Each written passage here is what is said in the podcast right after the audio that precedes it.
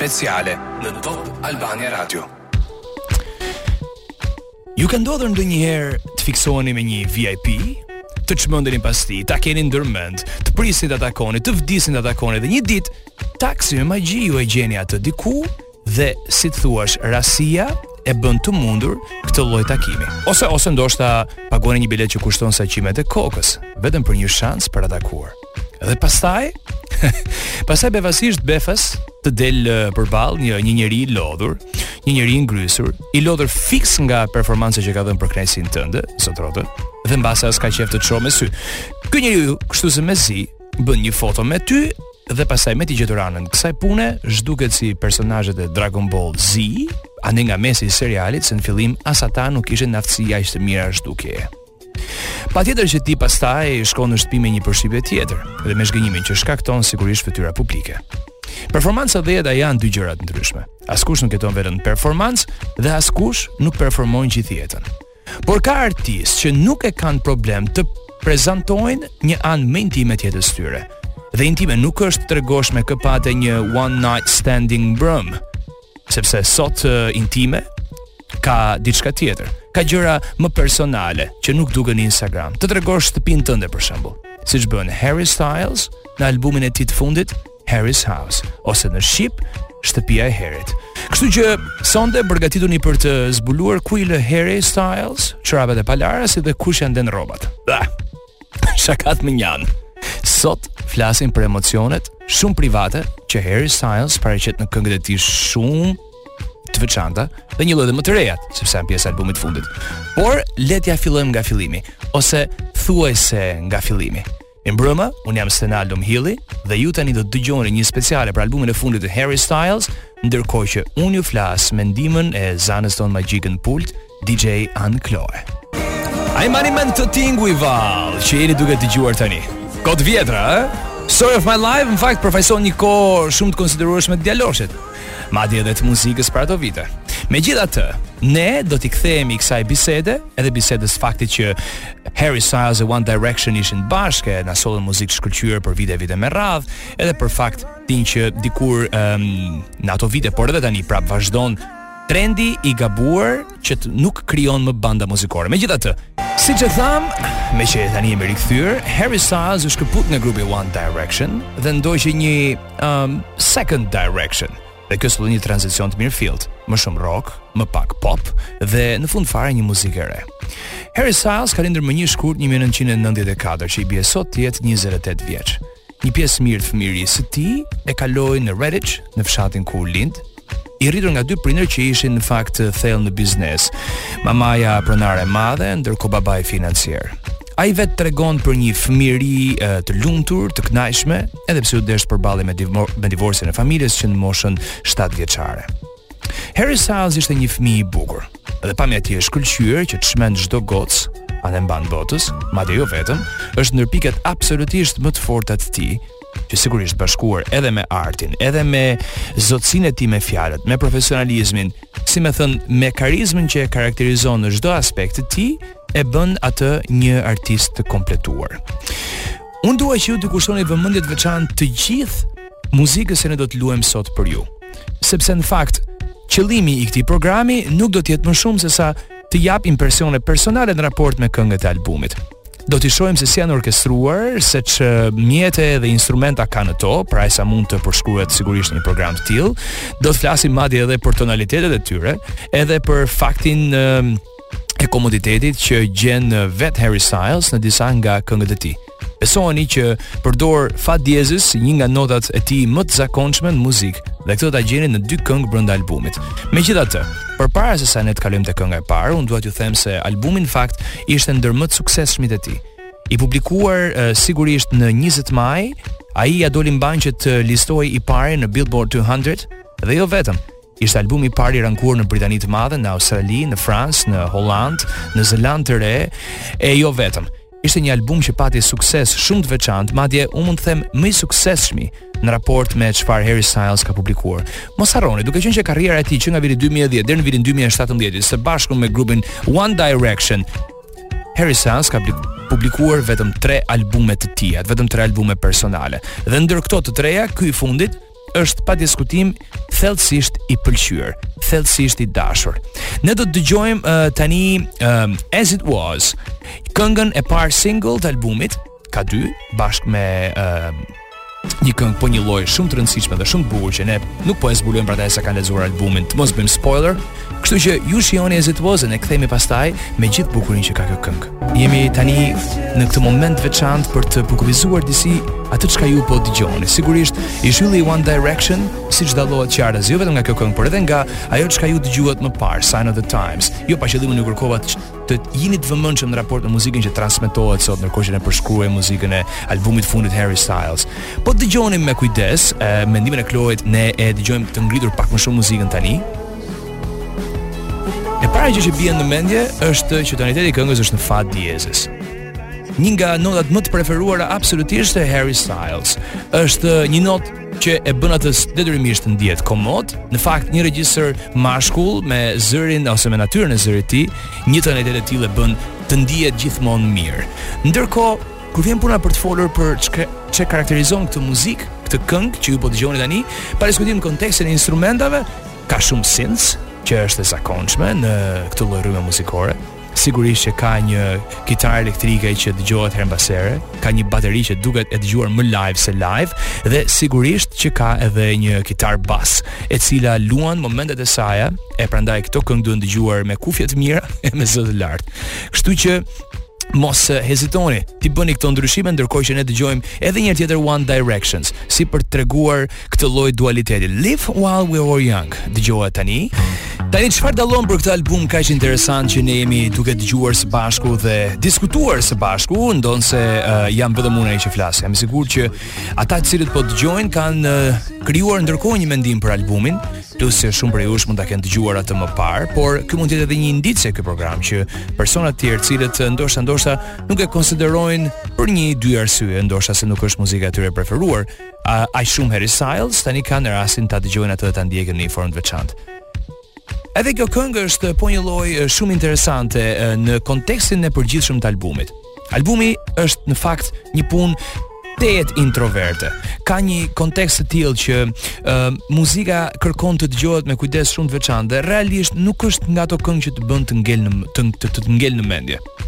Kur vjen puna ekzaktësisht te kjo, ne ia vlen të ngrejmë pyetjen si ka mundësi që një artist si Harry Styles, që sigurisht është shumë profesional, por kjo nuk do të thotë që nuk ka qenë i suksesshëm komercialisht, merr një risk të tillë që të krijojë një album i cili ka këngë ekstremisht introverte, ekstremisht personale, ne jo pa qëllim bëmë një batutë me idenë që sot do të shohim shtëpinë e Harry Styles, meqë e ka titulluar albumin Harry's House, pra shtëpia e Harryt, dhe ka një të vërtetë në të.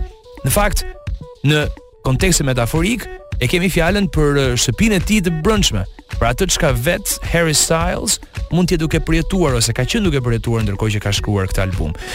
Duhet thënë që albumi ka filluar të shkruhet në vitin 2020-2021, duke konsideruar kështu dhe çka ka shkaktuar pandemia në të, dallohet qartazi që vetë Harry Styles e ka ndier edhe kohën që ndoshta ndoshta edhe njerëzit shumë të famshëm si puna e tij i kanë mbajtur të izoluar. Kënga uh, Music uh, from a Sushi Restaurant që ne kemi zgjedhur ta kemi edhe si bazë sot, jo më kot, po eksaktësisht për faktin se është një këngë që mund të vendoset edhe një, në një restorant tjetër ku shërbehet më shumë se sushi. Kështu që ne do t'ja lëmë tani vendin këngës së radhës. Late Night Talking është single i dytë i albumit. i cili sigurisht është publikuar përpara këngëve të tjera dhe ne do t'i rikthehemi për të bërë një diskutim për sa e veçantë është ajo. Grape Juice po një lloj përfaqëson natyrën shumë intime të albumit. Është një këngë shumë personale që duket edhe në stilin minimalist të orkestrimit të saj, por edhe në mënyrën se si ka ardhur e kënduar. Po të lexoni lyrics për këngën do të gjeni shumë Just Me and You. Pastaj kënga vetë është në Fa major, meqenëse e lamë që do të bënim një një prezantim jo fort të zakonshëm në radio duke treguar tonalitetet e çdo muzike të çdo kënge, për gjithë ata që janë të apasionuar mbas detajeve dhe që ndoshta kanë dëshirë të bëjnë një cover në shtëpi, edhe që mendojnë si çdo këngëtar tjetër, oh, po ç'tonalitet është ky? Po si ka ardhur kjo këngë në këtë formë? Është në fakt kënga e parë e albumit që ka në fokus uh, instrumentat e vërtetë, jo synths. Uh, jo se nuk ka synths në të, por në fakt uh, kitarët, pianoja, basi marrin një rol uh, disi më të dukshëm në këtë lloj kënge. Po një lloj duhet thënë që nuk të impresionon aq shumë në atë kontekstin e një kënge që ti do ta dëgjosh pafund. Pra, ka një natyrë ndryshe nga As It Was, që sigurisht edhe sipas rankimeve që ne i përmendëm edhe më parë, është një ndër këngët më të dëgjuara të albumit, por uh, ka dhe një natyrë tjetër nga uh, po themi këngët pasardhëse të saj, që ne do t'i dëgjojmë tani. Ka një tendencë që albumi të rritet, të ketë një lloj crescendoje me të gjitha këngët e tjera në vijim. Grape Juice është një ndër uh, më të qetat. Të jep një përshtypje uh, me të vërtetë minimaliste. Ne do të shkojmë tani në një tjetër këngë interesante, e cila mua më kujton realisht ato çka radiot transmetojnë në 4 të mëngjesit. Një këngë po një lloj e kujdesshme, e qetë, edhe ndoshta ndoshta titulli lidhet jashtëzakonisht mirë me përshkrimin emocional muzikor që kjo këngë më jep mua, sepse titullohet Daylight. Drita e ditës. Ne jemi tani rikthyer në pjesën e dytë të këtij podcasti dedikuar eksaktësisht Harry Styles. Ndryshe nga raste të tjera të specialeve, jemi live në Top Albania Radio me Senaldon dhe me DJ Ankloe. Ju sa dëgjuat tani Matildën, një tjetër këngë që është jashtëzakonisht e bukur, po një lloj minimaliste për nga natyra e saj. Fillimisht është instrumentuar vetëm duke përdorur uh, një gitarë akustike, edhe pak uh, sinthe të ndryshme, e ndoshta ndoshta për t'i dhënë edhe atë efektin e munguar të basit. Megjithatë, është një ndër këngët më të pëlqyera të albumit, uh, përfshirë këtu pa diskutim single-in që ne dëgjuam të parën As It Was dhe Boyfriends, që ne do ta dëgjojmë ca më vonë se tani. Matilda, me sa duket është një dedikim, jam i sigurt që nëse do të ishte Harry Styles shqiptar, ne të gjithë do fillonim të spekulonim, a paska qenë lidhur me Matildën? O, oh, me Matildën paska qenë herën e fundit? Shi shi, Matilda, Matilda, pa pa pa pa pa. Nuk e di si e pret publiku britanik këtë këtë qasje të Harry Styles për të bërë këngë një emri. Megjithatë, kjo as i heq as i vë ndonjë gjë të madhe këngës sepse ai vet nuk ka deklaruar asnjëherë publikisht që kënga ka ndonjë lloj dedikimi më personal. Ama e do ta keni parasysh vet. Sa herë dikush shkruan një tekst, bazohet në një eksperiencë personale. Nëse nuk ke një eksperiencë, nuk shkruan dot lyrics. Kjo është eh, pak, po e sigurt. Megjithatë, albumit i kanë mbetur ende edhe 6 këngë të tjera pa u dëgjuar, a diçka e tillë. Kështu që ne do të nxitojmë në mënyrë që të dëgjojmë gjithçka që ka mbetur orën e dytë të transmetimit, ajo që i përket kohës që po flasim ne tani. Duhet t'ju them po njëlloj që kënga e radhës është jo e dedikuar për kineman, por për një person që sipas vet Harry Styles është një kinema, një kinema që ofron gjithçka për t'u parë dhe jam i sigurt për Harry Styles pa patur nevojë asnjë lloj abonimi. Cinema dëgjohet tani në La Minor, do ta diskutojmë këngën më vonë. Unë them që do të ishte bukur nëse do të guxonit, dhe pse nuk besoj që ka nevojë për një guxim të madh.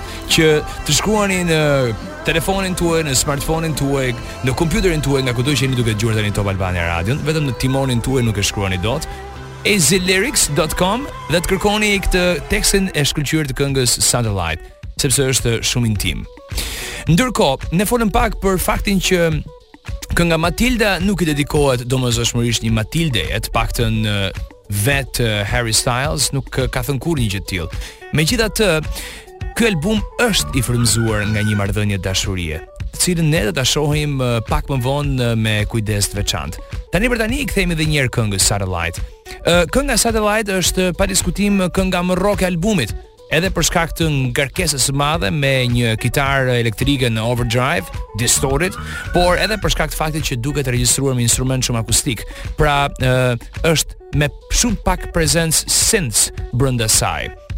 Vet natyra e albumit e bën këtë këngë të bjerë në sy uh, si ndoshta kënga më wild e albumit, si kënga më shpërthyese e tij dhe më rebele.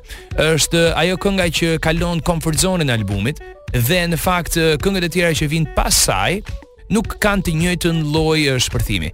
Uh, me të vërtetë që Satellite uh, i përngjan për nga natyra e, e emocioneve që mbart këngës uh, së parë single që dëgjuam As It Was Ndoshta As It Was i jemi referuar shumë përgjatë eh, këtij podcasti, por eksaktësisht për faktin që është eh, single i parë, por edhe një këngë që në fakt na kujton më të mirën e eh, Harry Styles, detyrimisht kur e krahasojmë me produksionet e tij solo të mëparshme, detyrimisht pastaj që na vjen ndërmend si një ndër uh, veprat më të mira të gjithë muzikës së tij, veçanërisht asaj solo, por eh, edhe kur e marrim në kontekstin e punës që ai ka bërë me One Direction. Kështu që këto dy këngë kanë një lloj përafërsie të madhe me njëra tjetrën në mënyrën se si janë strukturuar dhe në atë çka eh, po themi përfaqësojnë muzikalisht. Sigurisht, tekstet janë të ndryshme, në njërën i këndohet të shkuarës, në njërën diçka komplet tjetër. Megjithatë, eh, kjo nuk e bën ë uh, po themi dëgjimin e njërës prej tyre, një arsye për të mos dëgjuar tjetrën. Megjithatë, shkëputemi tani për të dëgjuar uh, atë çka vjen më tutje, fiks nga Harry Styles. Kjo është Daydreaming. A ju bën kjo të ëndërroni me sy hapur? Gjykojeni vetë. Edhe një herë tjetër unë uh, pres absolutisht gjykimin tuaj për të vendosur nëse kjo këngë ju bën të mendoni ose më mirë të them ju bën t'i jepni makinës me shpejtësi të lartë. Nuk e di. Është një këngë që mund ta dëgjosh në makinë ndoshta në darkë vonë, ndoshta duke ardhur në një highway, ë uh, duke qenë vetëm ti brenda, askush tjetër, ti dhe vetja jote. Në një makinë që ecën me një shpejtësi konstante.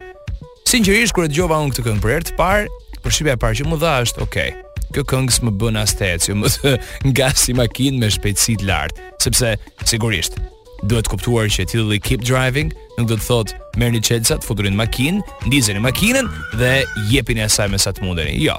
Keep Driving do të thotë të angazhosh veten tënde në mënyrë që të vazhdosh përpara, të mos dorëzohesh. Dhe kur e kupton këngën ashtu siç duhet, edhe kur uh, i referohesh anglishtes me kujdes, pa diskutim që kupton edhe motivacionin mbrapa um, mbrapa kësaj kënge që ne sapo e dëgjuam tani në radio. Është një këngë me goxha synths, me uh, pak instrumente të vërteta reale të prekshme. Megjithatë, produksioni absolutisht i padiskutueshëm i artistëve të mëdhenj e bën atë të dëgjohet në mënyrë të shkëlqyer dhe sigurisht që është një këngë që në radio rri jashtëzakonisht mirë. Ndërkohë kanë mbetur edhe vetëm uh, dy këngë nga albumi i famshëm. Ka mbetur uh, Boyfriends, e cila është ndër më të dëgjuarat, dhe sigurisht Love of My Life, që unë realisht mendoj t'i bëj një cover. Më duket këngë shumë e bukur dhe ka një ka një vibe të vjetër. Në fakt të dyja këngët e kanë këtë. Të kujton pak eh, Daniel Daniels me Oh Danny Boy, këngëtarin e famshëm eh, irlandez, Ka momente të caktuara që duket sikur vetë Harry Styles do t'i kthehet së shkuarës. Por një gjë tjetër shumë e rëndësishme në raport me albumin që ne e prekëm edhe pak më parë, edhe që unë po i referohem edhe një herë tani, është fakti që është inspiruar nga një histori dashurie. Por edhe një herë tjetër, këtë gjë nuk e thonë, nuk e thotë vetë Sam Smith. E thonë mediat, gazetat britanike si The Sun e me radhë me radhë, por nuk ka asgjë të thënë prej tij. Sigurisht, nuk mund ta inspironte asgjë më shumë se sa marrëdhënia që ka patur pothuajse 10 vjeçare me Olivia Wilde. Ndajnë dy fëmijë së bashku, Daisy dhe Otis, dhe uh, sigurisht që marrëdhënia ka qenë kaotike, por uh, kur dy njerëz qëndrojnë bashkë për 10 vjet dhe kur këta dy njerëz nuk janë martuar, lidhur, dashuruar me shkuesi me njëri tjetrin, as me lajmës, atëherë do të thotë që duhet të ketë një arsye madhore që i mban bashkë. Kështu që 10 vjet së bashku Love is there, ladies and gentlemen. Dashuria është aty, pa asnjë lloj dyshimi. Ne nuk mund ta prishim radhën e albumit dhe nuk duam të dëgjojmë tani Love of My Life, por eh, do të qëndrojmë mënyrën se si albumi është publikuar, se si the track listing, lista e këngëve është publikuar në të gjitha faqet që përshkruajnë atë. Prandaj Boyfriends, që në fakt është kënga ime e preferuar e albumit, vjen tani. Është një këngë shumë interesante e luajtur vetëm në një kitarë dhe me të vërtetë ka një stil alla The Beatles brenda. Bukur. Dhe në këtë mix të përgjithshëm që kemi bërë në 2-orëshin që po lëmë avash avash pas me këngë që Harry Styles i ka shkruar, kompozuar e kënduar vetë dhe me këngë të tjera të cilat ai i ka kënduar, sigurisht jo domosdoshmërisht duke qenë personazhi kryesor në bandën e famshme One Direction. Ne jemi pak a shumë në fund të podcastit, por um, ka një gjë shumë interesante që mua më bëri jashtëzakonisht shumë përshtypje. Dhe absolutisht duhet t'i bëjë përshtypje çdo kujt që mund ta ketë parë ose që do ta shohi tani në këto momente dëgjoj në Top Albania Radio. Sepse në koncertin e së enjtes, një koncert i cili është mbajtur në Old Trafford, në një stadium që mban në Old Trafford nga Emirates që mban në gati 26000 veta brenda. Harry Styles ka bërë uh, një really impressive catch, ta quajmë kështu. Një kapje të lezetshme. Ka mundur të dallojë në këtë turmë kaq të madhe njerëzish mësuesen e tij të parë, e cila sigurisht me të drejtë ndihet krenare për djaloshin dhe vendosi të vinte ta shihte atë në koncert. Kështu që ne kemi një audio të shkëputur nga kronikat e CBS News për të treguar, me ndërkohë që unë do ta përshkruaj atë për ju e përkthej, se çfarë ka ndodhur uh, atë natë në atë koncert të veçantë të Harry Styles. Kloe? I'm gonna ask a favor from you. A mund të kërkoj një favor nga të gjithë ju? A mund të kërkoj ju lutem shumë një favor? Është dikush që duhet ta gjej në audiencë. Ju lutem, dua të rrini shumë të qetë. E do të shohim nëse mund ta gjej këtë person. Ta shoh se ku është gjendur. Sepse My first ever school teacher is Sepse mësuesja ime e parë e shkollës është këtu. Emri i saj është Mrs. Vernon? A jam i sigurt që është në turmë? Po përpiqem ta gjej. Mrs. Vernon. A jeni këtu? Hajde pra, zonja Vernon. Ja ku është? Oh, zonja Vernon.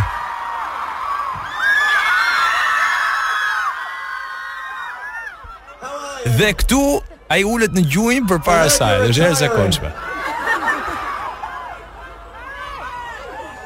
I just like to thank you. Dua vetëm të të falenderoj për gjithçka. Për uh, të gjitha ato vite të veçanta. And um, dhe sigurisht. Yeah, thank you so much. Po, faleminderit shumë. Faleminderit shumë, zonja Vernon. Kjo po që është e veçantë, Të falenderohesh pas 26000 vetave rreth një turme kaq të madhe nga fëmija që ti ke edukuar dhe rritur në shkollë. Dhe unë i falenderoj shumë të gjithëve që ishit pjesë e Top Albania-s në këto 2 orë për të dëgjuar këtë speciale shumë të veçantë. Një lloj edhe spontane, nuk i themi të gjitha në mikrofon, po unë po guxoj këtë herë, për këtë gjë të veçantë që dëgjuam sot uh, së bashku. Ishte argëtuese edhe për mua, shpresoj e tillë ka qenë edhe për ju. Faleminderit shumë, ne së bashku dëgjohemi nesër në Live from Tirana, ndërkohë ju tani qëndroni me Selected by nga DJ XXL, i cili si gjithnjë është këtu me mixerin e tij për ta luajtur për ju. Love of my life është kënga e fundit e albumit. të cilën eh, pa diskutim eh, ka plot që do ta duan dhe ka plot që ja dedikojnë dikujt tani që e dëgjojnë. Shijojeni nga unë Stenalo, nga DJ Ankloe, natën e mirë.